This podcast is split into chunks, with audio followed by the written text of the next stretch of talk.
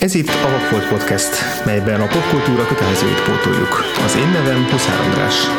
Én pedig Frivalszki Péter vagyok.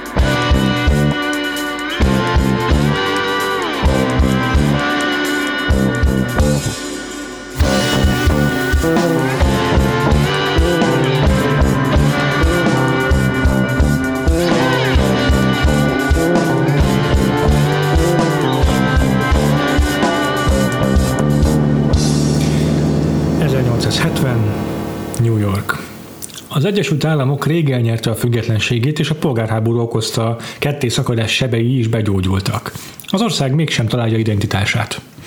Az óvilág társadalmi berendezkedése és szokásai uralják a közfelfogást, és ezzel a millióvel válik egyre inkább elégedetlenni Newland Archer. És amikor megismerkedik a botrányos előéletű Ellen Olenskával, megpillantja a kiutat ebből a felszínes világból.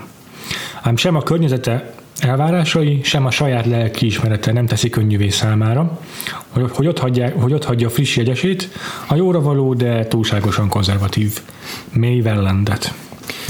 Illetve röviden összefoglalni a, az Age of Innocence című 1993-as Martin Scorsese film történetét. Uh-huh. Magyar cím ugye az ártatlanság kora, ami egy Edith Wharton uh, regénynek az adaptáció, ez egy 1920-as regény, azt hiszem. Azt hiszem 20-as vagy 21-es, és Pulitzer díjat is nyert a, a könyv. Neked volt bármi közöd ehhez a filmhez korábban? Ez megint egy olyan típusú film, mint a, a a sekély sírhant volt, hogy emlékszem a, a tévés Station Voice ember hangjára talán a Kautsky Armand lett a tévéket, mm. vagy nem tudom, hogy többször bemondja ilyen szelít hangon, hogy a láthatatlanság kora, a mai ilyen tévéket, és így majd egyszer biztos megnézem, mert annyi szó játszák, de sosem néztem meg. Aha.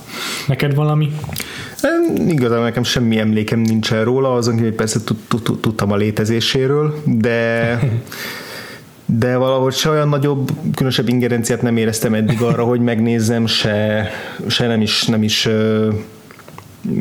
jött szembe velem így az évek Igen. során annyira, hogy, hogy, hogy így elcsábuljak. Uh-huh. Nekem egyébként rajta volt a watchlistem már jó ideje, uh-huh. de kb. csak úgy, hogy végigmentem a Daniel Day-Lewis filmográfián, és akkor, amit nem láttam, azt bepipáltam. Ja. Tehát így ennyi. Engem még kifejezetten most kezdett el érdekelni, amikor így a Scorsese blokkot tervezgettük, hogy ha, ha már akkor ennyi filmet veszünk tőle, akkor viszont mindenképp izgat az, hogy megnézzünk egy ilyen kosztümös romantikus filmet Igen. a Scorsese-től. Egyébként ezt konkrétan ma néztem meg most egy fél, fél órával azelőtt, hogy elindultam Komolyan? volna ide a, jó, izé, a nagyon friss főhadiszállásra. Hát mondjuk ez nem az a film, aminek jót tesz szerintem Sa- az ilyen hot take, hanem itt Sajnos nem, igen, tehát konkrétan úgy érzem, hogy így nagyon csak a felszínét fogtam fel valószínűleg a mind a párbeszédeknek, mind magának a, a, annak, ami nem hangzik el, mert hogy mm. ez, a, ez okozza, mint, mint oly sok kosztümös drámának a, a súlyát, meg a feszültségét, hogy mi az, amit, a, amit az illemszabályok mentén ki lehet mondani, és mi az, amit a, amit a szavak, igen. sorok között kell kiolvasni belőle.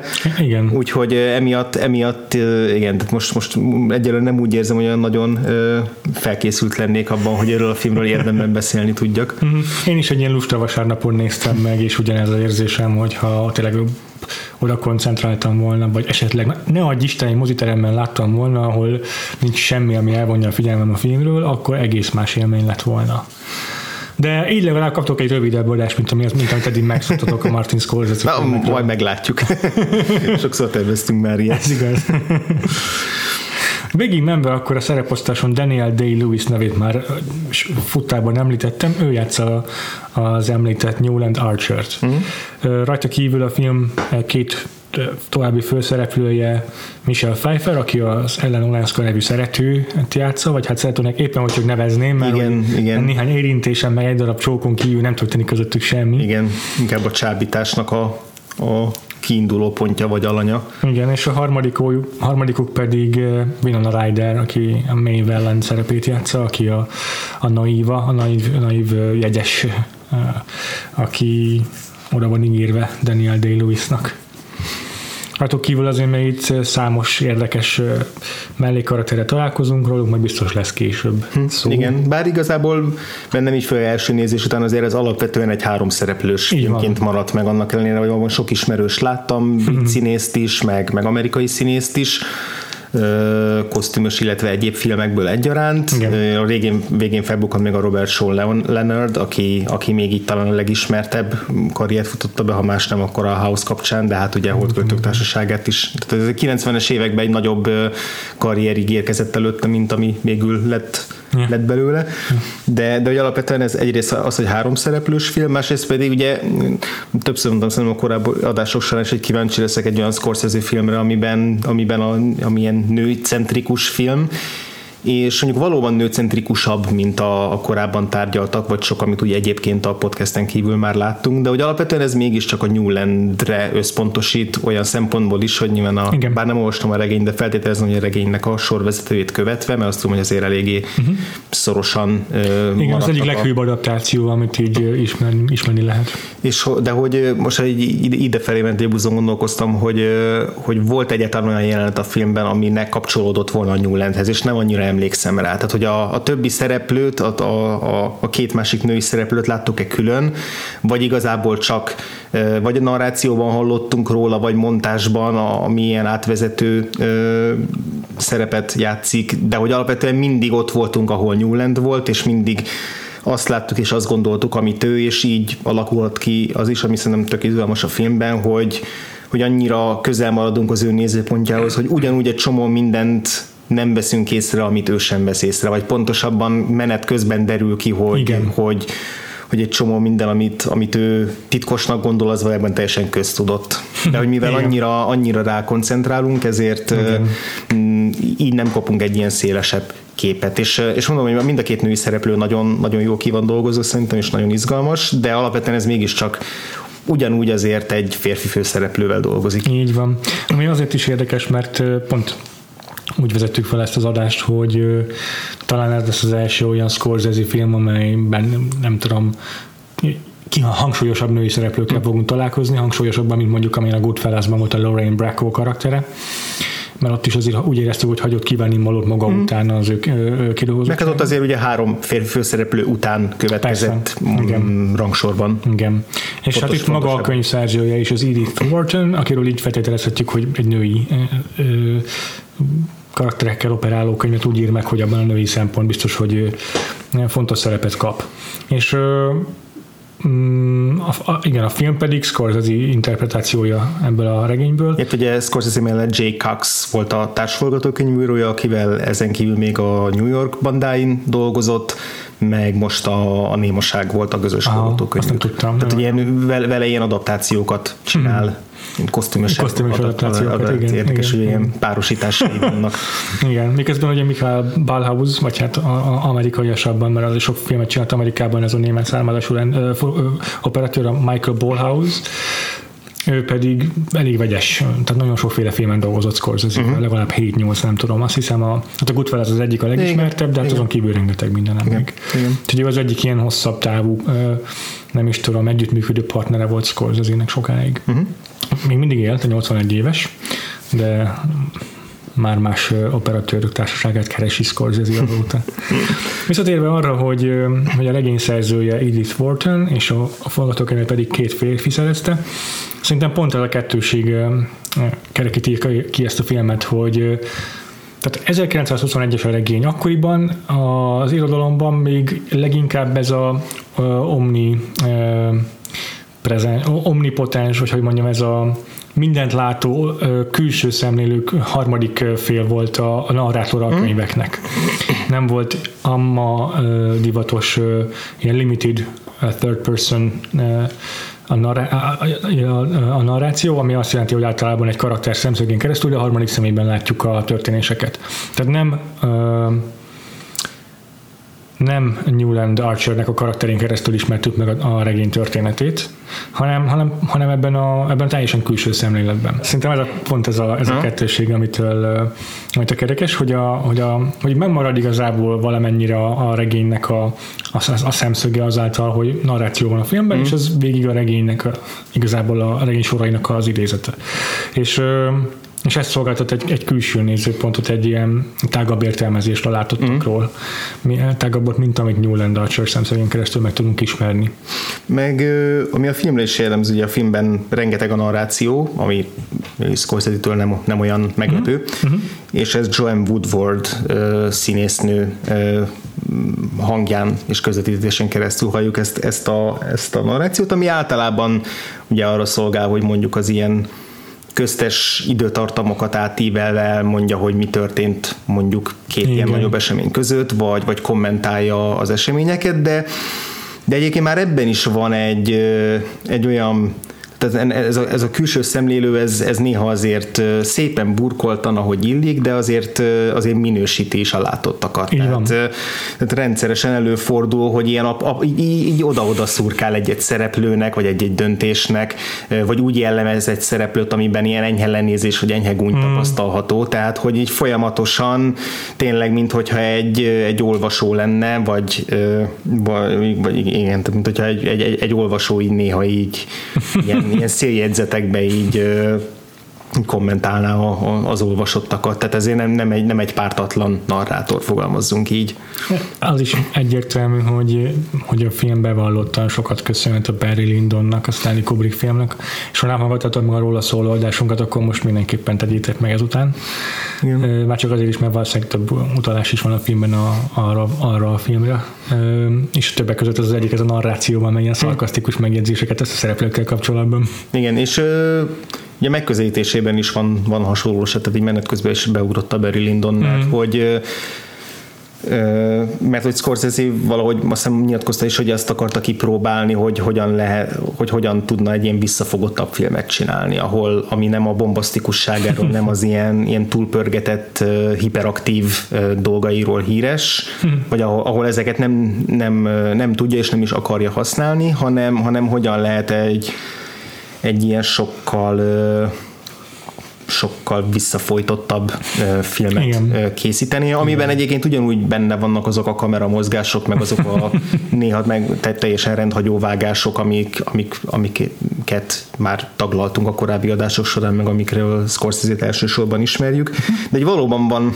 tehát valahogy megtalálta azt az arányt, hogy egyrészt ne legyen ilyen nagyon kimért, nagyon poros, nagyon patinás a film, tehát mint ami nagyon sok kosztümös filmre jellemző, ami így a 19. század Igen. végén, második felében játszódik, hogy ilyen nagyon távolságtartó, olyan minden olyan nagyon-nagyon tüchtig, olyan nagyon nem, mint ahogy a szereplők nem eshetnek át így a normáknak a, mhm. határain, így a, így a készítők is tartják magukat hozzá, hogy ne legyen túl megbotránkoztató a film.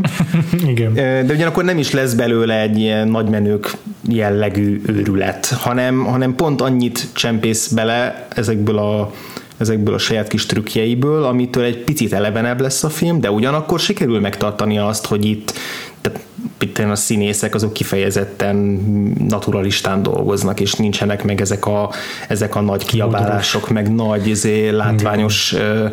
játékok, amik a, a Scorsese legtöbb filmjére azért jellemzők. Tehát, ugye azért, ő azért nem szokott, nem, nem szokta így visszafogni a színészeit általában, tehát a, leg, a azért nagyon energikus filmjeiben a, a színészeket is úgy instruálja, hogy úgy adjanak ki magukból mindent, itt pedig, itt pedig hát egy eléggé eléggé tényleg így belülről dolgozó, főleg ami a Daniel Day-Lewis-ra, de egyébként mind a hármajukra igaz, de, de benne látszik a legjobban, hogy mondjuk összehasonlítva, azt hiszem te nem láttad a New York bandáit uh-huh. még, de mondjuk összehasonlítva ott a, a, a, a Hentes bill aki egy klasszikus, óriás, nagy formátumú figura, aki így túlnő mindenki máson a film, filmen, és nem hagy érvényesülni senki más, főleg a Cameron Diaz meg a Leonardo DiCaprio-t, de, de hogy ebben a filmben meg a Daniel Day-Lewis kifejezetten, kifejezetten csak így, a, így, így, így feszíti belülről mindaz, amit, amit el kell folytania, de hogy nagyon-nagyon ritka az, hogy így túlcsordul belőle, és akkor is, akkor is egészen ilyen finom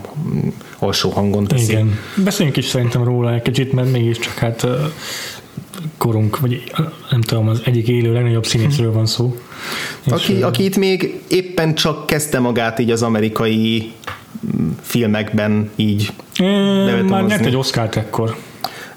De azt, azt még egy brit filmeltette. Aha, ja, a, a értem. ballában. Tehát a, az Én szép kis mosodám, meg a ballában volt, mm. ugye, ami, ami Angliában már ismertségre tesz, Igen, tetszett, igen. abszolút az Oscarban ebben teljesen igazad van.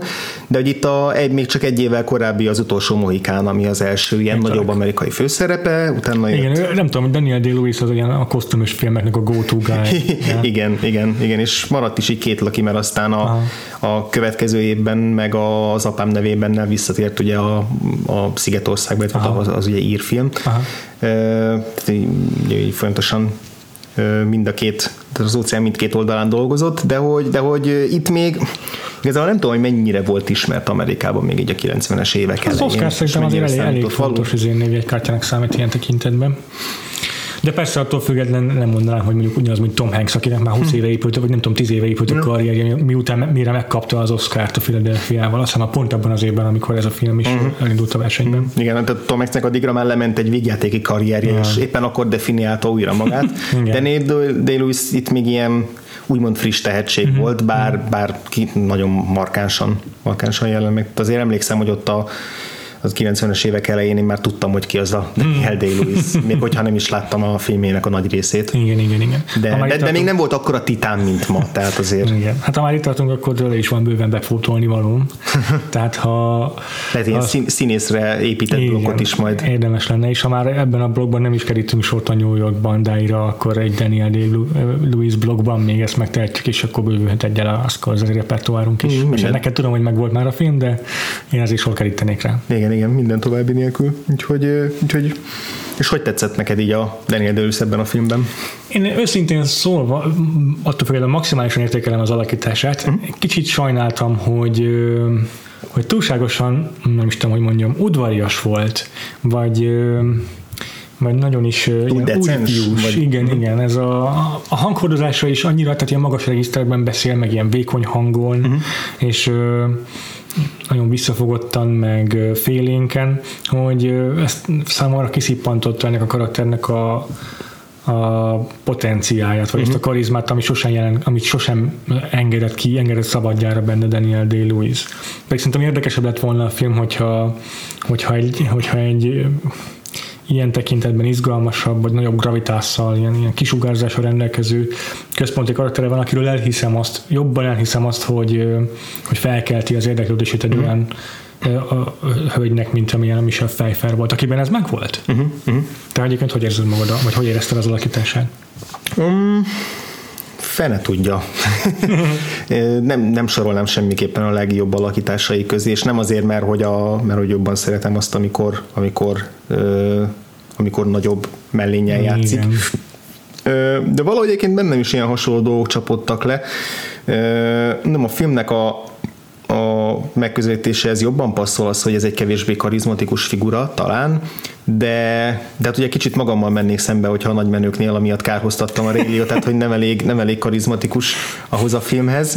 Ö, ott, ott azért jobban kilógott, mert hogy minden más annyira 200%-on pörgött, Igen. itt pedig, itt pedig minden takaréklángon ford azért, hogy, a, hogy érezzük, hogy azért forr az a, az a fő, az a azért leves, amit föltettünk a, a, a rezsóra, de hogy, de hogy ha nem figyelünk oda, akkor nem halljuk igazán, csak hogyha jó belenézünk, akkor látjuk, hogy azért ott, azért ott a buborékok jönnek föl folyamatosan.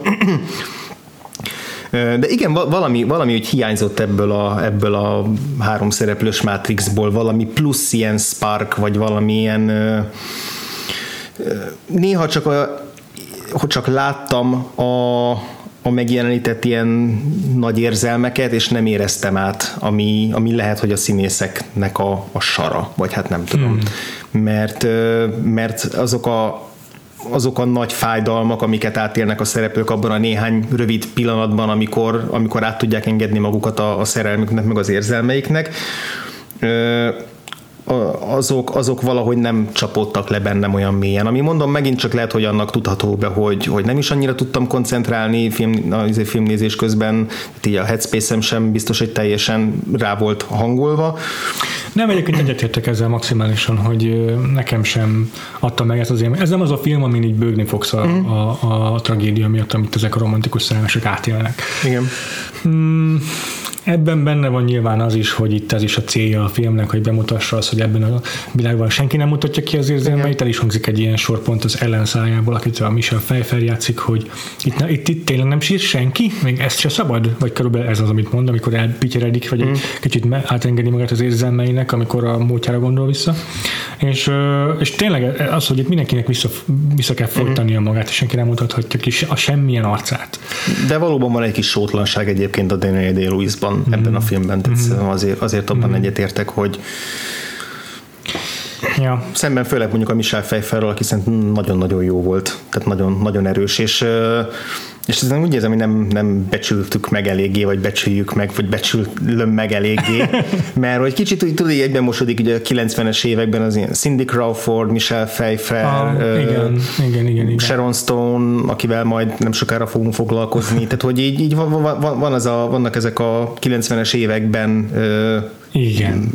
sztárolt színésznők, akik az, azóta eltűntek igazából a filmekből, de hogy miért, azt most nem kezdjük el taglalni. Igen. Ha esetleg valaki kíváncsi rá, hallgassanak a Tálmai Ami azért vicces dolog, mert, mert a Michel Pfeiffer pont a 90-es évek elején gyakorlatilag is sorra dobta el azokat a szerepeket, amiket, amik más színésznőket sztárát tettek. Ah. Például a Telma és Louisban ugye ő, őt, őt fölkérték, vagy hát legalábbis szóba került a Gina Davis karakterre, akkor a, a Pretty Woman-nek a főszerepét, az Evitát dobta vissza, azt hiszem még, akkor a Bárányok hallgatnak volt olyan, hogy őt nézték ki, és azt se vállalta. Tehát, hogy mm, volt, volt egy ilyen korszak, pont a, a, a veszedelmes viszonyok után, amikor ilyen, amikor hirtelen nagyon mindenki Michel Pfeiffert akar, akarta, és hogy nem tudom, hogy túlválogatós volt, vagy mi volt az oka annak, hogy, hogy, hmm. hogy ezeket nem vállalta, de hmm. egy érdekes, hogy mennyi mindentől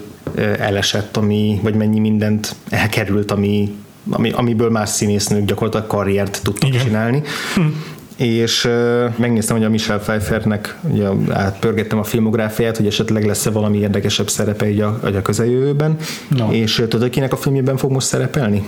A Darren Aronofsky-nak az új filmjében, a, Motherben, ami így most idén év végén jön ki. Aha, aha.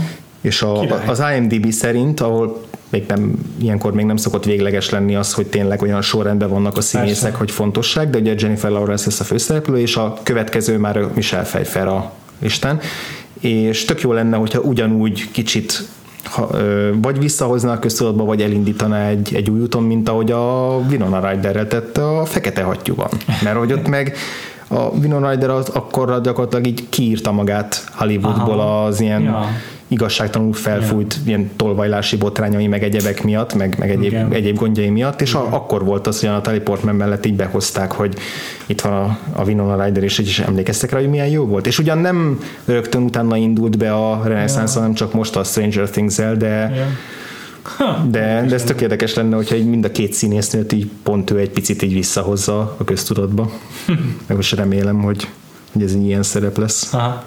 És hogy egy, egyébként viszont, most, hogy például ugye nem olyan régen új, újra néztem a Batman visszatért, és, és abban is teljesen meghökkentett, hogy mennyire eszméletlenül jó a Michelle Pfeiffer. Azt egy korábbi kitekintőben egyszer erről már, mm-hmm. erről már beszéltem is, hogy, hogy a macskanő mennyire szenzációs karakter, és mennyire összetett, és hihetetlenül jó, amit a Michelle Pfeiffer abban a filmben csinál, és most is azt éreztem, hogy teljesen friss és, és, és, és sokoldalú, nagyon expresszív ö, alakítást nyújtott, úgyhogy lehet, hogy így meg kéne nézni több hmm. 90-es évekbeli filmjét, mert hát lehet, hogy egy csomó olyan gyöngyszemet lehet még találni, amik, amiket így leírtam már így, így, így korábban.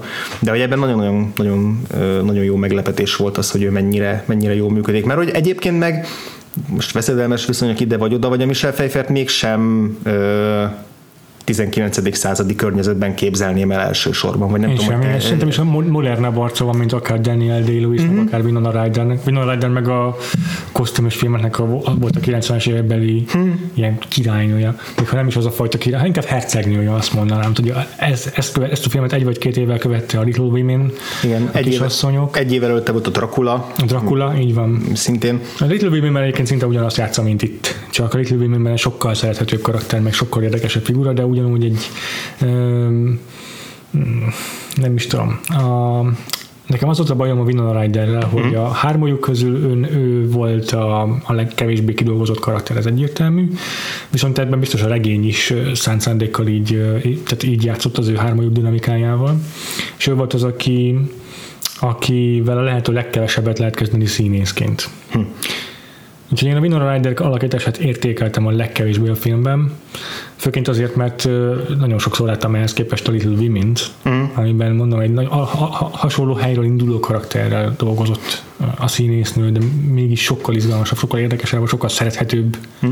Na akkor, akkor itt, itt most viszont össze fogunk csapni, mert nekem meg a, meg a mély volt az ilyen titkos fegyvere a filmnek, és a legis, legizgalmasabb karakter. Szerintem te csak azért, mert, mert úgy, úgy gondoltad, hogy ez fejben összekapcsolódott számodra, szerintem a Little Women karakter. Nem, nem, konkrétan eszembe se jutott az, a, az a karakter, aha mert szerintem a, a kiinduló pont ott leszámítva nagyon kevés hasonlóság van között, hogy a, a, a kisasszonyokban ő a, az ilyen karakán határozott ö, ugye írónőt játszik, aki, aki az egész családot így egybe tartja, de közben egy ilyen lázadó szellemiségű uh-huh. karakter.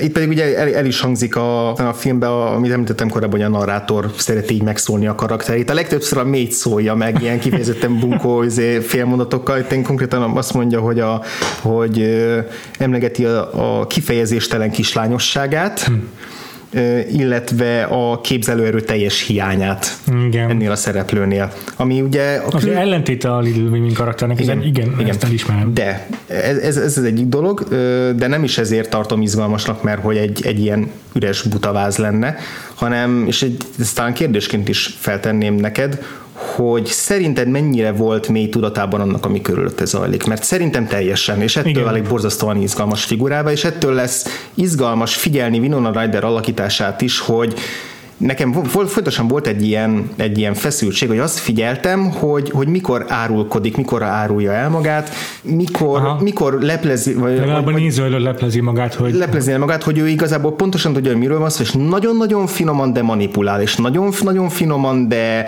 de, de irányítja a, a Daniel Day-Lewis. Igen. Na most ezzel szerintem fején találta a szöget, és tovább is fogom fűzni a gondolatot, miközben megválaszolom a kérdésedet. Szerintem is tisztában volt az, ami körülötte zajlik. Most amiről beszélünk a néző nézők kedvéért az az, hogy Daniel Day-Lewis fontosan másik csinkózott. Igen, aki a, ráadásul az, ráadás az unokatestvére a, Igen. a, a mélynek. Igen, így van, is És ez rajtuk kívül az egész közösség tudta, tehát így lassan mindenki ráébredt. Teljesen átlátszó volt a, a a főszereplőnek a, a viselkedése, meg az, ami... Sőt, konkrétan mindenki úgy gondolta, hogy ők konkrétan le is feküdtek, és hogy ja. szeretők. Ami konkrétan ugye nem is igaz, mert hogy a, a Newlandet, hogy a film elején, azt hiszem még csak narrációban elhangzik, hogy ő, ő belül, meg így zárt ajtók között ő így nagyon-nagyon progresszív, de hogy egyébként azért külsőleg ő tartja magát a hagyományokhoz. Igen. És ez, ez gyakorlatilag fontosan visszavetette abban, hogy hogy, hogy lépjen ez ügyben, Aha. vagy hogy találjon egy olyan utat, ahol együtt lehetnek, Aha. mert ez, ez azért túl sok lett volna neki. Aha. De most közbevágtam, folytas tovább. Igen, tehát hogy ennyi, a film vége felé hangzik el az a, egy fél mondat, lehet, hogy pont a, a Robert Shaw Leonard emlékszik így vissza az anyjára, most nem emlékszem, uh-huh. hogy az anyja a, a mély, tehát ugye a Robert Shaw Leonard már egy ilyen jóval később játszoló jelenetben játsza a May és Newland gyermekét. Uh-huh. Azt hiszem, hogy ő mondja az anyjáról azt, hogy, hogy bíz, megbízhatsz apádban, vigyázni fog rád, mert hogy amikor a, mert hogy értem is, megte, értem is megtette azt, hogy lemondott arról, amire a legjobban vágyott.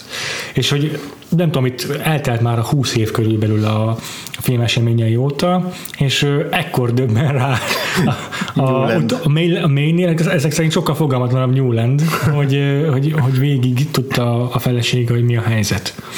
És és igen, szerintem ez, ez az izgalmas ebben a filmben, hogy teljesen burkoltan, teljesen árnyoltan, soha ki nem mondva, soha nem látványosan, de az történik benne, hogy a, a leginkább proaktívnak tűnő Newland karaktere, karakteréről lassan kiderül, hogy két nő észrevétlenül manipulálja.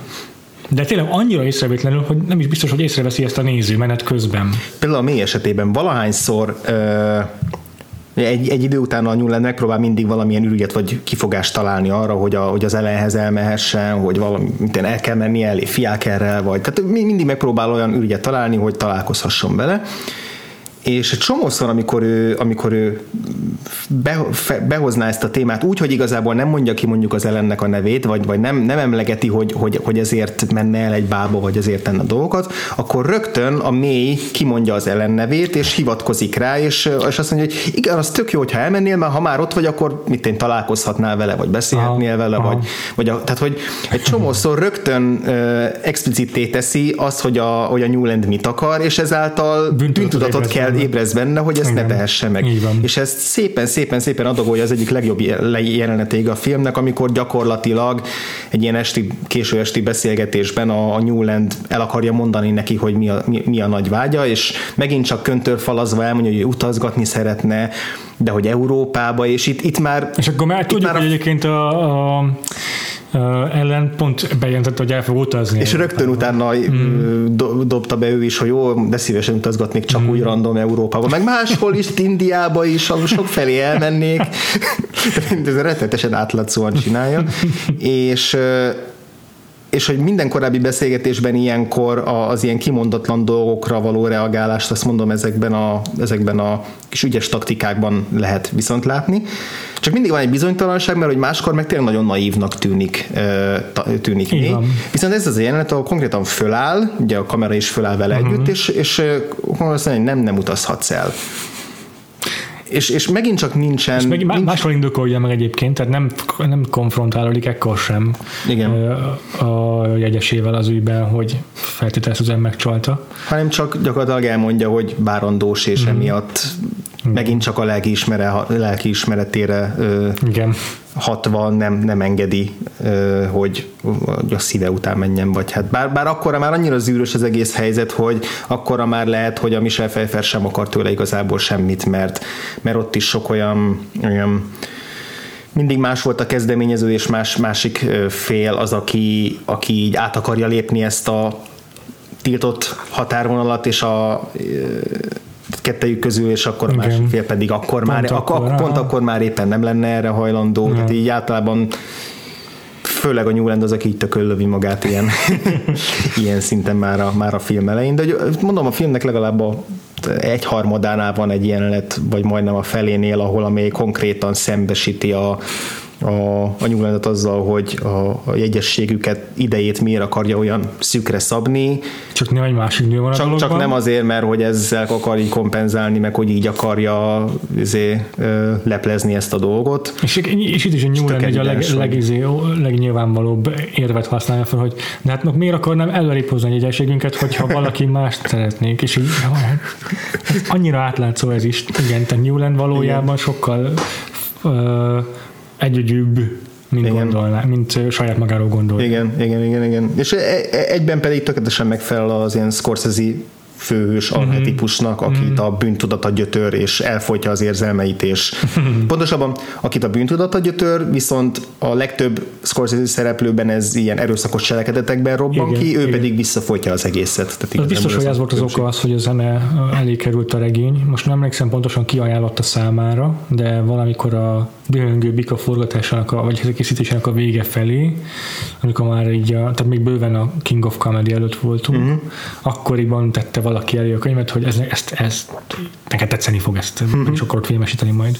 Azt hiszem, hogy újságíró volt, és akkor végül sikerült időt szakítani rá is elolvasta, és azonnal beleszeretett, és sok-sok idő volt, mire sikerült elkészítenie, aminek főként az az oka egyébként, hogy elképesztően részlet gazdag a film, mert Scorsese minden apróságra odafigyelt, évekig kutatták a, a, a korszakot, amikor játszódik a film, a szereplőket, akikről mintázta uh-huh. Edith Wharton a karaktereit, és minden egyes berendezési tárgy, minden jóval előre ki volt találva, és pontosan megtervezve, amire eljutottak odaig, hogy egyáltalán megkössék a szerződést a stúdióval. Akkor szerintem beszéltünk egy kicsit bővebben is arról, amit korábban már így pedzegettünk, hogy, hogy mi az, ami miatt izgatta ez az alapsztori, és amiket aztán belevitt eh, saját magától mert, mert azért elég sok olyan eleme van, ami így visszaköszön a, a, a komplet filmográfiájából, kezdve ezzel a, ezzel a bűntudat témával, meg a féltékenységgel, meg a, mm. a, a maszkulinitásnak a, az árnyoldalait ábrázoló filmjeivel, uh-huh. de nem tudom, hogy te még miket találtál ebben a filmben, ami, vagy találtál-e még olyan elemeket? Ugye mondjuk a vörös színen kívül. hát motivumokat, vagy ilyesmit, hát szerintem a legfontosabbakat felsoroltad. Uh-huh. Ezen kívül még itt szokás mondani Scorsese-ről, ezt valamelyik ismerősünk tette egyébként a Letterboxdon, de ez is gyakran felmerül vele kapcsolatban, hogy, hogy Amerikának, mint egy kultúrának a megszületését, vagy uh-huh. megformálódását is szereti keresni a történeteiben ez eddig leginkább az eddig tárgyalt filmjeiben úgy jelent meg, hogy a, az amerikai állam meg az önmegvalósításon keresztül ábrázolta ezt, uh-huh. és itt pedig a társadalomnak a formálódása, az identitás keresése jelenik, jelenik meg ezen három karakteren keresztül leginkább.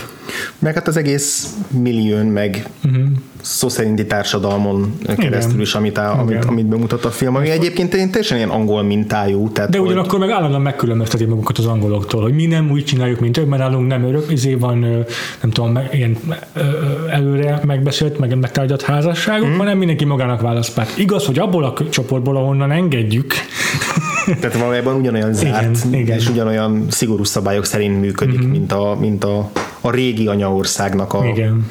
a, a szigorú társadalma.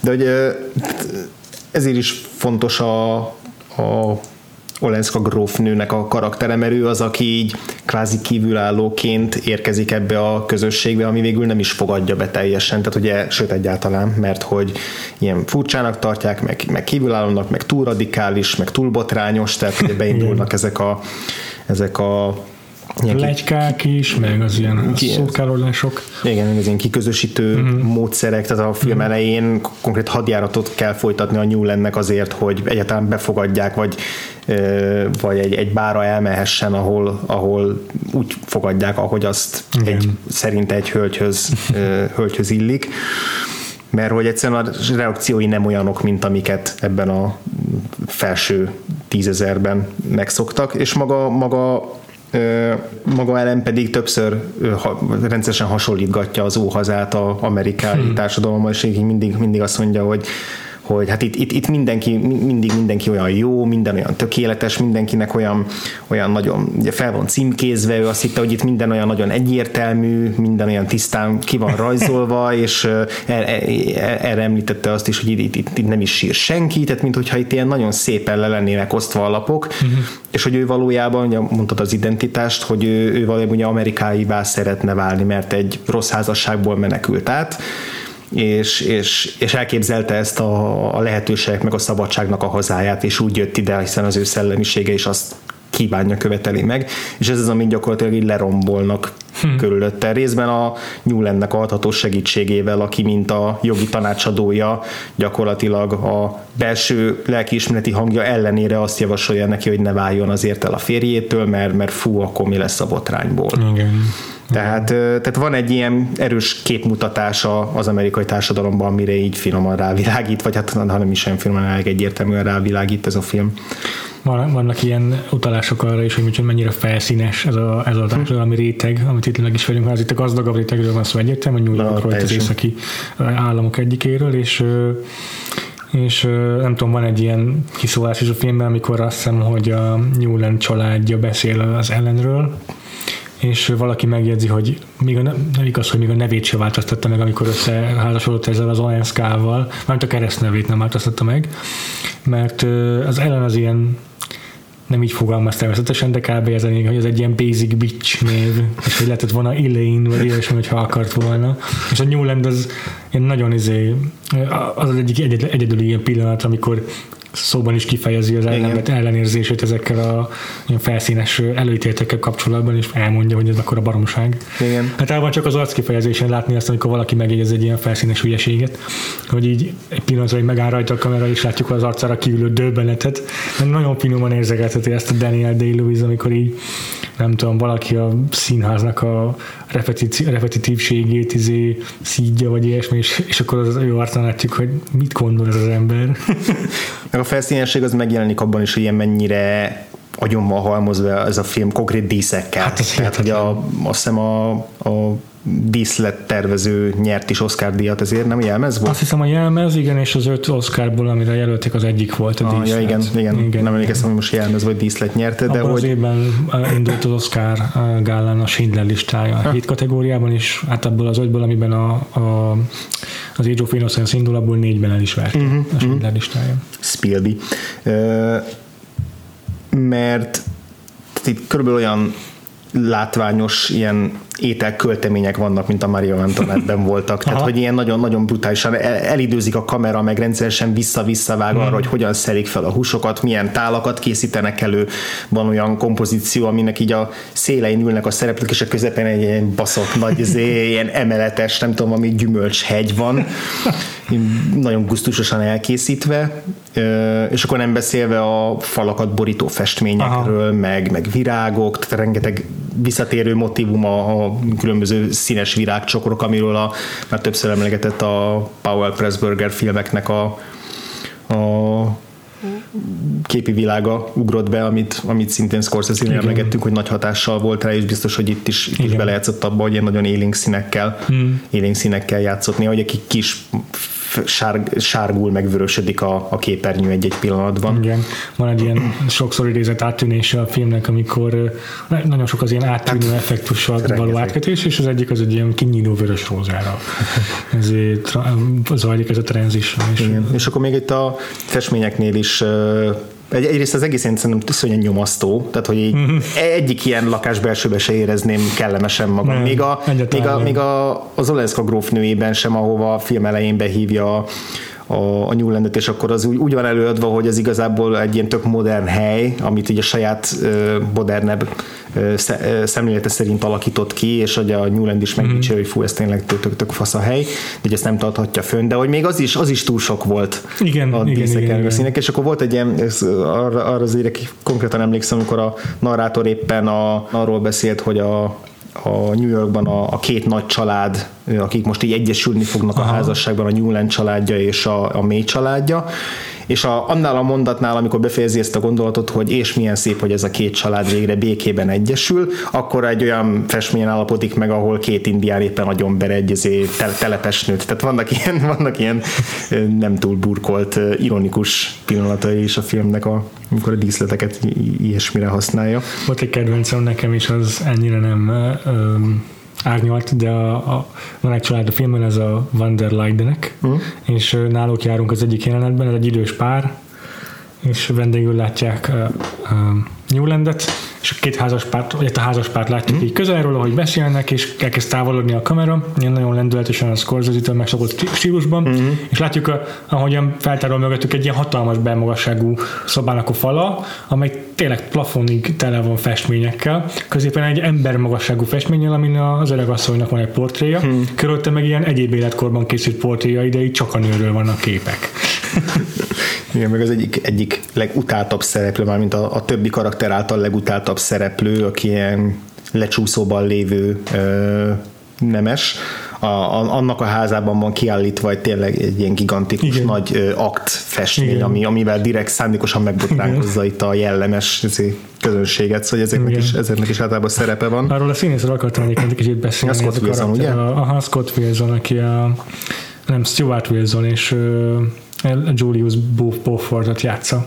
Ja, akkor összekevertem a Scott Wilsonnal, igen, aki a Walking Dead-ben játszott, pedig nem is nagyon hasonlítanak egymásra. Nekem az- nem, nem, nem ismertem más filmből szerintem, de ahogy megjelent ezzel a bajusszal, meg a kis szakállal, egyből a izé ugrott be nekem, hogy tök, tök hasonló volt a, az összes manírja, meg a hangkódozása is, mint a Michael Fassbender ré, eh, valahogy. Uh-huh. Csak volt benne egy kicsi Joaquin Phoenix is. Nem, érdekes volt. Aha. Nem tudom hova tenni. Csak nekem meg az jutott eszembe, nekem, nekem is volt egy teljesen furcsa izé, párhuzam. Nekem Aha. a film végén, amikor az öreg Daniel Day-Lewis-t já- lá- já- látjuk, és ott még modulál egy kicsit a hangján, Aha. ott teljesen olyan volt, mintha izé a, a John Lennon szólalt volna meg, vagy a John Lennonnak valamelyik izé, Comedy Bang parodiája, vagy a, valamelyik ilyen, ilyen New Beatles hang, ilyen nagyon-nagyon furcsa, nazális hangot, hangot használt a Daniel Day-Lewis, teljesen bizarr volt meg Scorsese azért bedobott egy csomó olyan trükköt amit így megszoktunk tőle, csak esetleg picit máshogy, mint ahogy a maffia filmjénél megszoktuk. Mint én vannak ilyen, amikor, mint hogyha így, tudod, ilyen irisszel így, így a, rá, ráközelít a, a kamera egy szereplőre egy ilyen kis uh-huh. karikában. Igen, uh, ez a, a portréfotókról jellemző, ez a vinyett, amikor levágják a sarkát a képnek, ezt igen, ezt az irisnek a bezárásával ért el. Csomószor ezzel domborítja ki az arc. Igen.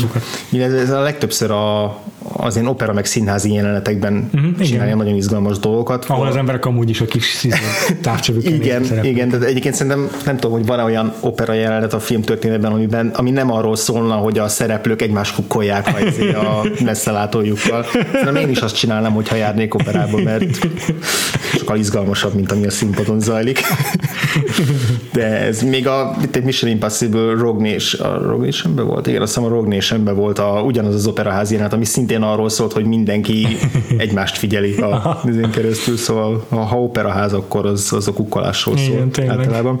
De itt volt egy konkrét olyan jelenet, amikor egy táholyban ülnek a, a, a két főszereplő, és az egyik viszonylag korai beszélgetés, ahol már érezni, hogy igazából itt, itt alakul valami, aminek nem lenne szabad, és mm-hmm. akkor ilyen megint egy virág, szó szerint virágnyelven beszélnek arról, hogy azt hiszem, az pont a színház, színházi előadásban, színházi előadáson van nem is operán, de ez lényegtelen, igen, igen. ahol arról beszélnek, hogy a, a, az előadásban a kedvenc jelenetük az, amikor ilyen virágcsokrot ad át az egyik szereplő, vagy, vagy, vagy akar elküldeni, Igen. és hogy a, és akkor a megkérdezi a, az ellen, hogy, hogy neki is küldene vajon a szerelme virágcsokra. Szóval valami ilyesmi, a, most pontosan nem jegyeztem meg a, a beszélgetést, de egy kb így világnyelven arról beszélnek, ami így köztük van, és aztán a jelenet után küld is neki egy virágcsokrot, vagy akar is neki küldeni egy sárga virágcsokrot, csak pont nem kap sehol, aztán meg letesz róla a Newland. Ott csinál olyanokat a világítással a Scorsese, hogy így elsötétíti ugye a környezetüket, akkor egyszer csak így, mint hogyha oldalról így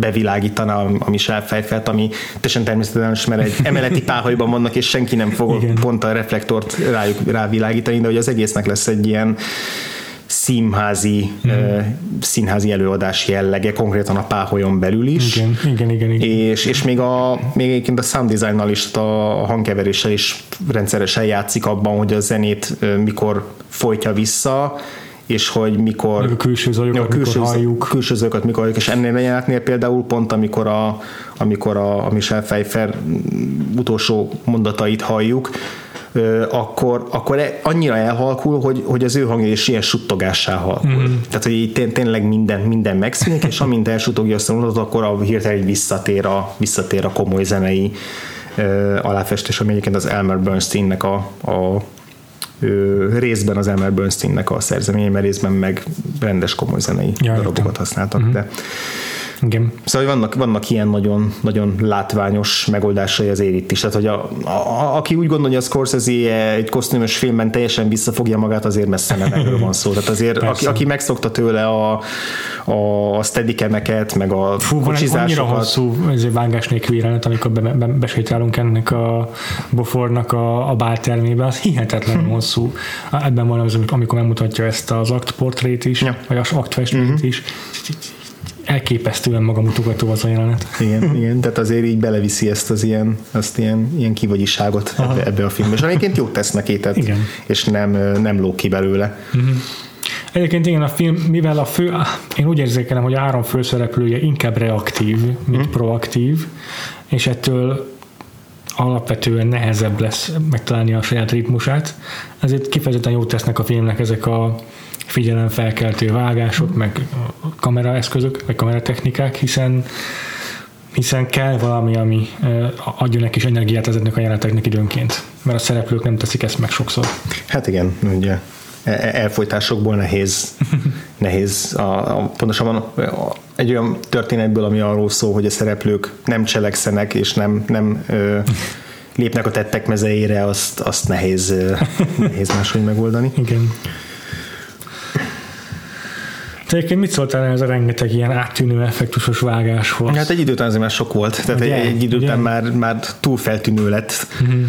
Biztos, hogy ez is egy ilyen nem tudom, klasszikus filmes hatást akart idézni, amikor igen, még így igen. divatosabbak voltak a kosztümös filmek is talán. Meg hogy ez is hogy ezt a fajta ilyen, ilyen hömpölygő ritmust, hömpölygő ritmust hogy a kemény vágás az azért ilyen mindig élesebben választja el a jeleneteket, itt pedig így egy, egy ilyen ö, folytonos folyássodrást ad az igen, egész filmnek, igen. hogy, hogy így, így szépen hullámzik, hömpölyög végig. Igen, hát ugye ez a, a lényegében a, nem tudom, a francia új hullám előtti összes filmnek a jellemző vágási hmm. megoldása volt. Azóta meg így lényegében kihalt, mert sokkal feszesebbek, meg energikusabbak Igen. a filmek. Most már inkább ilyen, ilyen különlegességként ja. szokták használni, tehát hogy akkor használják, amikor kifejezetten vagy retro, vagy föl akarják hívni a figyelmet, hogy most valami különlegeset csinálunk. Igen, hiszen a, a, a transition, tranzíciónak épp az a lényege ilyenkor, hogy hogy jobban észrevedd a két képsor közti összefüggést. Igen, tehát mit most a, a Noah Hawley használja ezt rendszeresen a sorozataiba, a Fargóba is, meg a Legion-ben is, ő is ilyen áttörnés buzi. Még itt annyit akarok megemlíteni ezzel kapcsolatban, hogy a film vágója természetesen Thelma Schoonmaker, és hm. volt egy ilyen apró uh, uh, easter egg a filmben, amit nem tudom máshogy értelmezni. Volt egy establishing shot, amikor New Yorkot látjuk, a korabeli New Yorkot, uh-huh.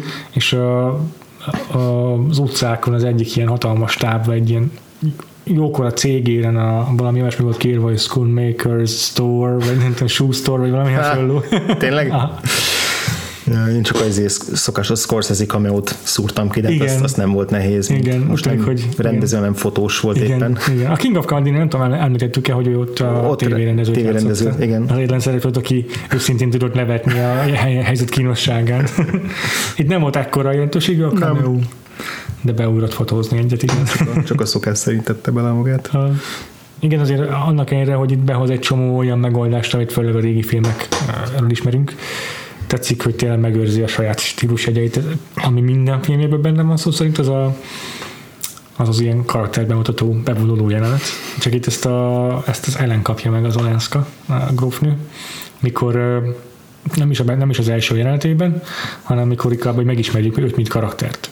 Mm, ez pont az a bál, amiben így a, a Newland az, aki nagy nehezen meghívatja, uh-huh. és a, egy, nem tudom, egy udvaron, talán nem nevezni, hogy férfi társaságában van ellen, és akkor meglátja Newlandet, akkor ott hagyja lényegében ezt a fickót, és így föláll, átsétál a termen, és leül mellé. Igen. Na most az a hely, hogy a kornak a szokásainak egyáltalán nem felel meg, meg ez botrányos Igen. ez a viselkedés. És tök tetszik az a megoldás, hogy ezt kicsit úgy hangsúlyozza ki a Scorsese, hogy amikor így vonul át a termen, természetesen a kamera felé, Valenszka grófnő, akkor egy kicsit így belassul a uh-huh. sét a közepén, és akkor, akkor ér a narráció ahhoz a részhez, ahol elmondja, hogy, hogy ez amúgy a szokásoknak nagyon is ellenmondó viselkedés. És akkor szépen utána megint felgyorsul a képsor, és leül mellé, hmm. leül Newland mellé ellen. Hmm. A, és egyébként az a beszélgetés után az, az egy másik kedvenc jelenetem a Aha. filmből, tehát a, a, a későbbi mélyen való párbeszéd mellett az, ez a, a, a kanapén az a beszélgetés után a másik kedvencem, hmm. mert, mert az, amikor, a, amikor tényleg létrejön köztük egy olyan, olyan szikra meg kémia, ami nagyon fontos ahhoz, hogy aztán a, a filmben ö, el tudjuk hinni azt, hogy, hogy, hogy milyen vágyak fűtik egymást, egymás iránt őket, mert hogy a, mert hogy a Newlandet is ott látjuk először úgy felszabadultnak, hogy tényleg teli szájjal tud nevetni, mosolyogni, a hasonló humorérzékük, hasonlóan látják a világot, tehát hogy ezek a amikor két ember itt tényleg egymásra tud találni, ez, ez, ez szerintem abszolút meg volt abban a, abban a jelenetben. Akkor már, ha már kedvenceknél tartunk, hogy én is elmondom a saját kedvenc jelenetemet, ez amit többször vissza is néztem, amikor ez már a filmnek a második felében van valamikor a, miután Newland próbálta venni Mét, hogy, vagy, hogy hozzá korábban a házasságok időpontját, mert, mert feltámad benne a bűntudata, uh-huh. és hogy megy találkozni uh, Olenszka grófnővel, hogy ezt közölje vele. És akkor a nő megkérdezi, de miért tetted ezt, vagy miért történt ez, és uh-huh. akkor így azt mondja Newland, hogy azért, vagy nem tudom, de hogy így a szóba jön, hogy azt mondja, hogy megvádolt őt azzal mély, hogy talán egy, új, egy másik van a dologban. Uh-huh. És így kijelentik a kerekperec Newland, hogy nincs másik nő a dologban. Majd ezután elkezdenek beszélgetni, és egyébként minden jelenetben megvan ez a fajta ilyen, amit nem mondunk ki, az azt teremti a feszültséget a dialógusban, és ez csodálatos, és ebben a jelenetben is így tudjuk jól, hogy izé, ott van közöttük ez a kis titok, mm. és ellen nem mond igazából semmit, csak néha kérdez, mint egy terapeuta. És a végén lényegében magától jól lehet kimondja, hogy amúgy te vagy a dologban. Igen, Newland igazán teljesen úgy viselkedik, mint egy ilyen béna tínédzser az egész filmben. béna tínédzser, akinek így határozott gondolatai vannak arról, hogy a, hogy a, a nőknek milyen az emancipáció Igen. kell, meg izé, de hogy igazából konkrét helyzetben meg teljesen felsül mindenben és ha, ha már, ha már kedvenc jelenetek, mm-hmm. ami, aminek semmi komolyabb tartalma nem volt, csak így, mint, mint esztétikai látvány, ki mm. nagyon-nagyon tetszett az a Winona Ryder íjjal és nyillal. Az, az, az, nagyon faszán nézett ki, ez csak ennyi. Igen. Egyébként, ha már beszéltünk olyan témákról, amik rendszeresen foglalkoztatják scorsese és itt is visszaköszönnek, vagy olyan technikákról, amiket belevitt Aha. a filmbe,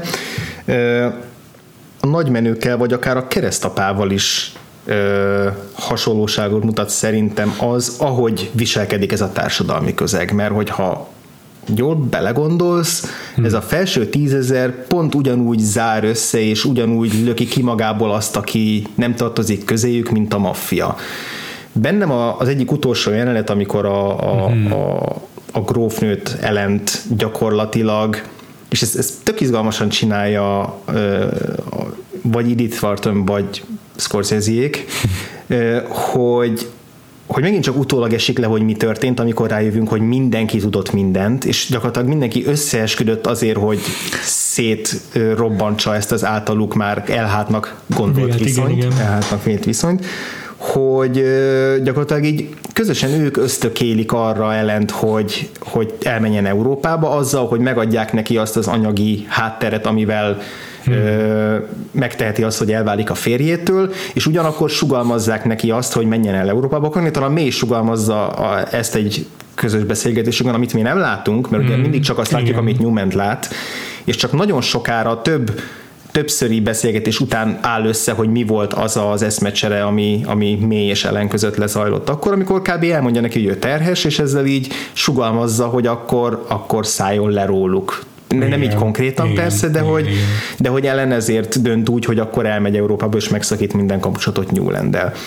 És, és után, mindezek után, a, erről semmit nem tudunk, ez mind utólag Igen. terül ki, de hogy van az a búcsú est, amit rendeznek az ellen számára, és nekem az, ahogy gyakorlatilag így kilögdösik ellent, és így a Newland minden olyan próbálkozását, hogy majd ő kikíséri, majd ő hazakíséri, és azonnal elvágják, és még a, a színészeknek a, a, a blockingja is úgy zajlik, hogy mint hogyha mindenki, mindig valaki odavonul mm-hmm, közéjük, mm-hmm. meg mindig valaki rögtön lecsap, hogy elterelje a Igen. Newland mellől az ellent, aki ekkor már, már engedelmeskedik és hagyja, mert ő már döntött. Igen.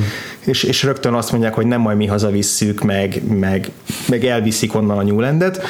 Ez engem arra jelenetre emlékeztetett, arra a híres jelenetre a keresztapából, amikor a keresztapa egynek a végén a, a, bezárják az ajtót a Diane Keaton előtt, és véglegessé válik, hogy őt, őt már kizárták ebből a közösségből, és a Michael Corleone már a, már része a, a, a, a Igen, ő, már, ő, ő lett a keresztapa. Uh-huh. És, és ezt a fajta ilyen szeparációt, és ezt a kizárást, és ezt az összetartást, amiket a filmben is hangzik a narrátortól, hogy van egy ilyen törzsi hierarchiája ennek, a, ennek az arisztokráciának, ami nagyon ugye szigorú szabályok szerint működik. Hmm. Ez gyakorlatilag számomra teljesen olyan volt, mint a maffia, és a maffián belül volt, itt volt a Newland, aki mást akart, és a saját vágyainak akart engedelmeskedni, de közben azért a, a, a, ő ehhez a maffiához is akar tartozni, meg ő, az ő elveiket vallja, de közben valami más másra is vágyik.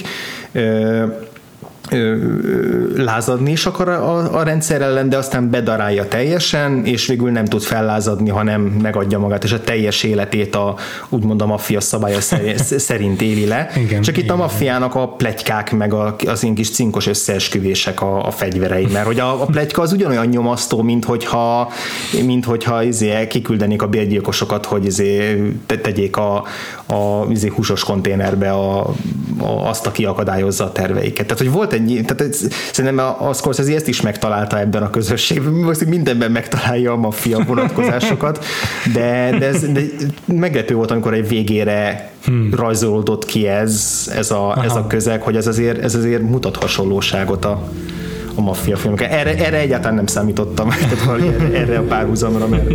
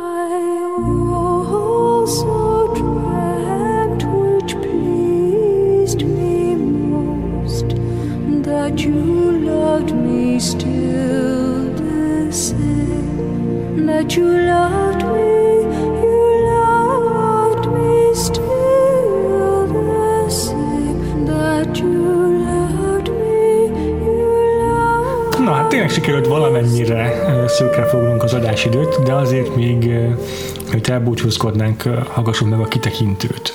Kitekintő! Ezt majd vág be itt a megfejtést. Kitekintő. Ezúttal annyira nem fogunk szigorúan ragaszkodni a, a top 3-as szabályokhoz, mert uh, már az elmúlt két néhány hétben megszoktuk a vendégeinktől, hogy amúgy is nagyon nehezükre esik um, ezeket, az, ezeket a egyszerű szabályokat betartani, úgyhogy most mi is eltekintünk tőlük. Az inspirált bennünket, hogy nem láttunk még um, én legalábbis nem láttam még kosztümös filmet scorsese de ez egy romantikus kosztümös film, és mindenképpen szokatlan a főleg gangsteres, meg bűnös filmjelőről ismert rendezőtől a, a műfaj, és hogy ö, elgondolkodtuk, hogy mi az, amit még, milyen műfaj, az, amit még látnánk Scorsese-től, uh-huh. egy milyen más műfajban látnánk őt még szívesen tevékenykedni. Szóval itt top 3-at én nem is igazán állítottam fel, csak így gondolkodtam, hogy melyek azok, amik, a, amik szerintem testhez állóak lehetnének scorsese de mégsem próbálkozok még meg velük. Uh-huh. Te milyen szempont alapján válogattál, és akkor már kezdjük is azzal, hogy mi az első műfaj, amit meg akarsz említeni. Hát olyan nagyon nagy szempontjaim nekem se voltak most, főleg, hogy mint mondtam, a filmet is csak most néztem, mert uh-huh. kitekintően igazából még kevesebbet gondolkoztam, igazából inkább csak egy-két ötletkezdeményem van, és aztán Igen, majd, majd igen. így, így pingpongozok veled, és akkor onnan Jó. jönnek elő újabb ötletek. Ö, ez az egyik, egyik ötletem az, ahhoz, ki, ahhoz egy ilyen villámkutató munkát is végeztem, mert kíváncsi voltam, hogy vajon mik voltak azok a projektjei, ilyen szerelem projektjei a Scorsese-nek, amiket esetleg tervezgetett hmm. karrieres során, de soha nem valósultak Az volna meg. Mhm. És ugye a legtöbb példa az zenés film volt. Tehát ö, Egyébként, bocsánat, azért ö, akarok meg a mondatot elején, mert uh, onnan jött az egész ötlet számomra, hogy a barátnőm azt mondta, hogy hogy milyen fontos volt a zene ebben a filmben, ez csomószor elhangzott ilyen verkfilmekben, és akkor meg visszakérdezett nekem a barátnőm, hogy rendezett már Scorsese musicalt?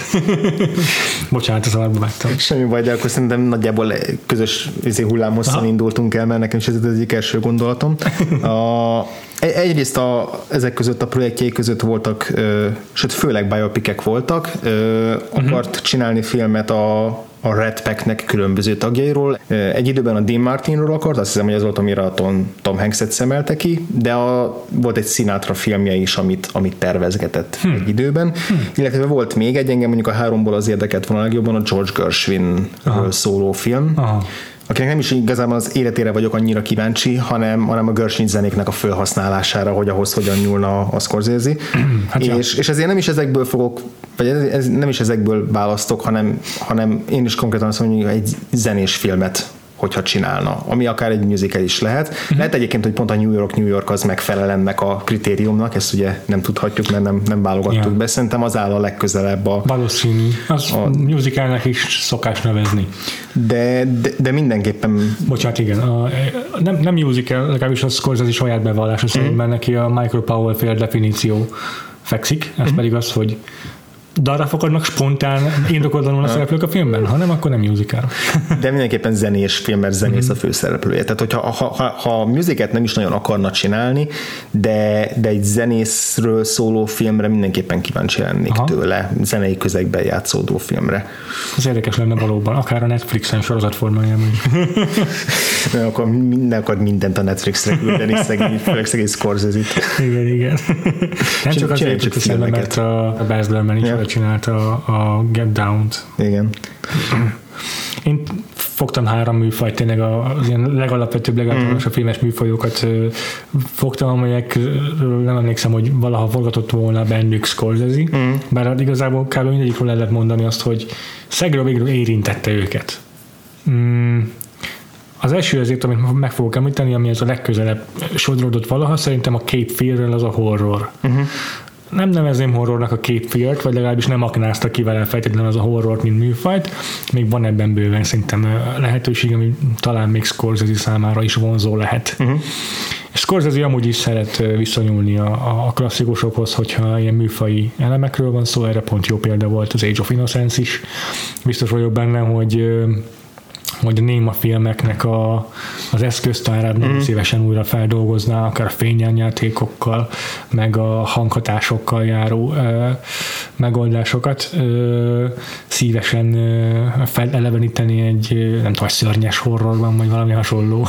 Nincsen konkrét elképzelésem, mm. esetleg ha neked van valami ötleted, akkor Hát konkrét, konkrét ötletem nekem sincsen, de mondjuk a, a gyötrőbűn tudat té- témaköre az, az, Aha. viszonylag könnyen bele lehet illeszteni egy horror és akkor, történetbe. akkor igen, egy testhorrorra is lehetne azt esetleg átdolgozni. Ja, igen, vagy esetleg valami olyan, olyan, olyan horrorba, ahol egy, egy karakternek az ilyen szorongása és félelmei vetülnek ki a világra, vagy Aha. azok támadnak ellene. Tehát, hogy eg- egészen explicité tenni azt, hogy vala, az, azt a katolikus bűntudatot, hogy, uh-huh. hogy a- amit nem merünk megtenni, vagy amilyen bűnöket elkövetünk, az, az vissza fog csapni ránk, esetleg ezt, ezt, ezt, ezt Érdekes. megcsinálni horror formában.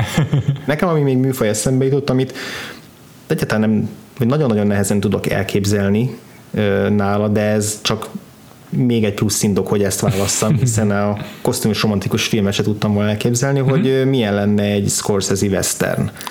Nekem is ez a második helyzetem. Ami azért is ugrott be, mert hogy a, például a John Fordnak az egyik, egyik nagy-nagy szószólója és, és az ő zsenialitása, hír, zsenialitásának a hirdetője a Scorsese, tehát uh-huh. lehet tudni róla, hogy a, a The Searchers az az egyik non plus ultra kedvenc filmje, volt több eszéje, amit írt a filmről, ami így sokáig forgott a neten, és, és egyszerűen, egyszerűen érdekelne, hogy mit kezd ezzel a, ezzel a műfajjal. Végül is ez egy, az is egy elsősorban maszkulin műfaj, tehát ilyen szempontból nem áll olyan nagyon távol tőle. bűntudatot könnyű behozni, amit igazolt már az Clint Eastwood is a, Igen. a, az Unforgiven-nel. Igen, tehát Szóval, ha szeretne ragaszkodni esetleg ehhez a mondani valóhoz, a tárgykörhöz, akkor ezt is megteheti. igen, igen. És hogyha ugye olyan testvérek is megcsinálták a maguk true gritjét, akkor az azért miért ne csinálhatna Nem meg is a egy, trugrit ugrott be akár egy, egy elfeledettebb klasszikus westernnek a, a remake is el tudnám képzelni Miért is tőle. ne? Miért is ne? Igen. Hát akkor a Westernhez igazából én sem tudok mást hozzáfűzni, mint hogy én is ugyanezen a nyomvonalon indultam el. Mm. Uh, úgyhogy mondom is az első helyzetemet inkább, ami nekem a film noir. Nem tudom megmondani, hogy ö, konkrétan melyik az a filmje Scorsese-nek, ami legközelebb áll a film noirhoz, de azért azért biztos, hogy minden, nagyon sok filmében lehetne felfedezni a hatásait. Az Age of Innocence-ben ott van rögtön az, hogy hogyan játszik az szereplők arcának a, arcán a fényjel, a fényekkel, ami a filmnál van egy ilyen nagyon alapvető motivum, hogy nem tudom, egy csíkban csak a szemét látjuk a szereplőnek például, csak azt világítja be a fény, mondjuk egy luxán keresztül, vagy ilyesmi. Itt rengetegszer megjelennek ilyen hasonló eszközök, meg az is, hogy elsötétül a háttér a szereplők körül, és csak őket látjuk a, a fény által megvilágítva, ezek is ilyen filmnoáros bevilágítási megoldások. Ezen kívül pedig a filmnoárnak is alapvető motivuma és eleme a bűn. Uh-huh. Persze kicsit más megközelítés volt, mint általában, amit Scorsese eddig, a Scorsese-től eddig megszoktunk. Főszerepbe mondjuk egy nyomozót helyeznék ezúttal, nem pedig a bűnözőt. És rajta keresztül a mutatná, vagy rajta keresztül uh, lehetne megvizsgálni a Scorsese-től már ismertett témákat. Itt is a filmvárban is visszatérő motivú, ugyanúgy a vörös szín, megint nyugodtan használhatná ezt a Scorsese. Tehát nem fekete-fehér filmet képzelni Nem, nem, nem. el. Esetleg fekete-fehér vörös színnel. A Schindler, mi? mi? Visszavág a Schindlernek az, azokért az oszkárokért. De azt gyanítom, hogy, hogy, egy, hogy ez, ez még a cselekmény szinten is talán három műfaj közül az, a leg, az ami a legközelebb áll a Scorsesehez, mert, mert azért nem szokatlanak tőle az ilyen az ilyen bukás történetek, amelyekben azt látjuk, hogy a szereplő a saját uh, hibáinak az áldozatával válik uh-huh. apránként, és az film noirban ez egy vissza-visszatérő elem ugyancsak. És hát a bűntöltöt megint be lehet hozni, mint, mint kiinduló motiváció, hogyha nagyon, hogyha nagyon szükségesnek érezzük, mert uh, a film, nincs olyan film noir, amely nem arról szólna, hogy a hős, aki magáról azt gondolja, hogy nem érdemli meg az életet, mégis azzal válik hősé, hogy uh, másokat, akik szerinte jobban meg, nála jobban megérdemlik a, az életet, azokat megment. Mm. Neked mi az első fejezeted? Ö, hát akkor én is egy ilyen aranykorbeli műfajhoz nyúlnék vissza, ami viszont a filmvárnak az ellentéte. Na hát. Én nagyon szívesen megnéznék egy kis kompakt, feszes, másfél órás screwball comedy-t a Scorsese-től. Remekért. Mert hogy a, a Scorsese 70 plusz évesen is iszonyatosan friss és lendületes, tehát mm-hmm. hogy a, a Screwball comedy az ilyen pörgős jellege az, az abszolút feküdne neki. Mm. Ez a műfaj az manapság teljesen alulreprezentál, tehát így évente egy-két példát lehet maximum találni, és azt is így, így nagyon jó indulatúan nevezhetjük csak Screwballnak, meg, meg csak egy-egy jelenetet belőle. Tehát ez, ez a műfaj eléggé kiveszett belőle, viszont Scorsese eléggé nagy ezért film tudór ahhoz, hogy pontosan tudja, hogy ezek miért és hogyan működnek. És ráadásul ebbe főszereplőnek egyértelműen a DiCaprio-val, DiCaprio-t hoznám vissza számára, már csak azért is, mert azt szeretném, hogy valaki végre vágja pofán a DiCaprio-t, és mondja meg neki, hogy nem kell minden áron ezért meghalni a vásznon, nem kell minden áron a leg súlyosabb drámát előadni, hanem egy picit próbálja elengedni magát és szórakozni, és, és, és lazának lenni, és pagálynak lenni a vásznon, amire most már rengeteg film óta ö, nem hajlandó. Az egyik ritka kivételek egyike a Wolf of Wall Street-ben a, a híres Quaaludes-os jelenet, amikor a kocsia felé mászik, tehát abban például tökéletesen látszik, hogy a dicaprio igenis van érzéke a fizikai komédiához, hogyha, hogyha nagy ritkán valaki erre kéri, csak ő általában a földön való kúszás-mászást azt nem a, nem a komikus oldalról akarja megfogni, hanem a szenvedés pornó oldaláról. és hogy a Scorsese írnának egy, egy, egy tényleg ilyen zseniális, verbálisan és fizikálisan is lendületes és izgalmas és jópofa filmet, és mondom, meg tudná győzni arról a DiCaprio-t, hogy egy picit tegyen le, most már megvan az Oscar, most már letehet az önmaga fontosságának növeléséről, most már, most már nem kell mindenre megváltani a világot, hanem tényleg próbáljon egy picit lazább lenni a vásznon, akkor szerintem abban egy tök izgalmas, friss kis film születne. Lehet, hogy nem lesz minden idők leg zseniálisabb filmje, de egy borzasztóan szórakoztató valami lehetne. És, a, és akkor a DiCaprio mellé megtalálhatna egy, egy olyan női főszereplőt, aki vele egyenrangú és felveszi vele a kesztyűt. Mm. Nem, hang, nem hangzik rosszul. Nézném. Hogyha nektek is van hasonló elképzelésetek, akkor tudjátok, hogy hol várjuk a kommentjeiteket. van, a podcast.hu Elküldhetétek nyugodtan a Scorsese-nek is a New York, nem tudom, 10-0-12 címge, keresétek ki az IMDb-n a címét, tudjátok hogy ho- hova lehet küldeni neki az ajánlatokat, mi már elküldtük a sajátjainkat. Mm de hogyha facebook.com per podcastra a kommentekbe írtok, szerintem ott is meg fogja találni a Marty ezeket, a, ezeket az ötleteket, úgyhogy nyugodtan uh-huh. dobjátok be. Twitterre is nyugodtan subtweetelhetek bennünket, akár engem a Freebo néven értek el, ha mégis be akartok. Bár az már ugye nem subtweet engem pedig a Gains és egy alsóbonás. Ezen kívül a podcastunkat megtaláltok az iTunes-on és minden egyéb ilyen kedvenc podcast csatornátokon, csak az iTunes-on még értékelni is lehet bennünket, amit nagyon értékelünk. Uh-huh, így van. Főcímzenénk szokás szerint az Artur zenekarnak a szerzeménye.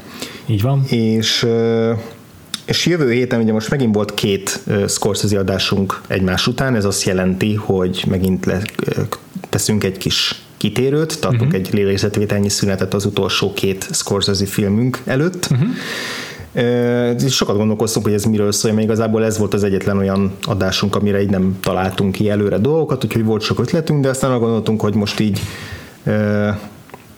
kicsit az aktualitások, a aktualitáshoz fogunk kötni egy, egy adást, és talán hagyományt is teremtünk vele, ez pedig a, a Titanic Fesztiválnak szentelünk egy adást, pontosabban azoknak a filmeknek, amiket ezen a ezen a fesztiválon láttunk, úgyhogy ez ilyen szempontból is Vakfoltnak nem annyira tekinthető, külön kiadás lesz, de, mhm. de beszámolunk azokról a filmekről, amiket, amiket láttunk a, a Titanicon, gyakorlatilag ez lesz a ilyen, itt most nem bonyolítjuk túl a, a mm. témát, erről fog szólni a következő adásunk, és aztán majd visszatérünk újabb Scorsese filmekre.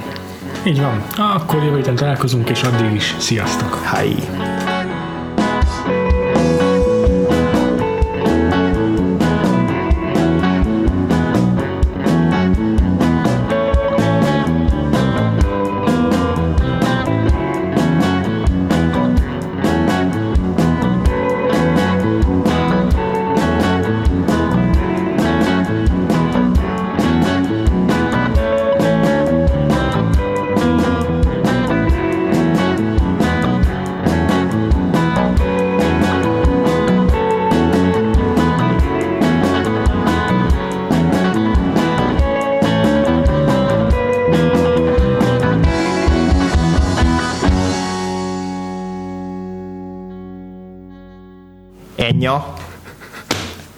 Micsoda? Ennyi a betétdal volt ebben a filmben. Az hogy a faszba került oda? Nem vettem észre. Volt egy jelenet, amikor lassítva mutatták a kalapos férfiak tömegét, ahogy vonulnak végig az utcán, és ott, ott énekelt egy női hangolat. És nem tudtam, hogy ez most Enya vagy Lorena McKennitt, mert ez a kettő között vaciláltam, de hogy azt tudtam, hogy ez kurvára kilóg ebből a filmből. Nagyon, nagyon nem értem, hogy hogy kerül oda, és hát 90-es évek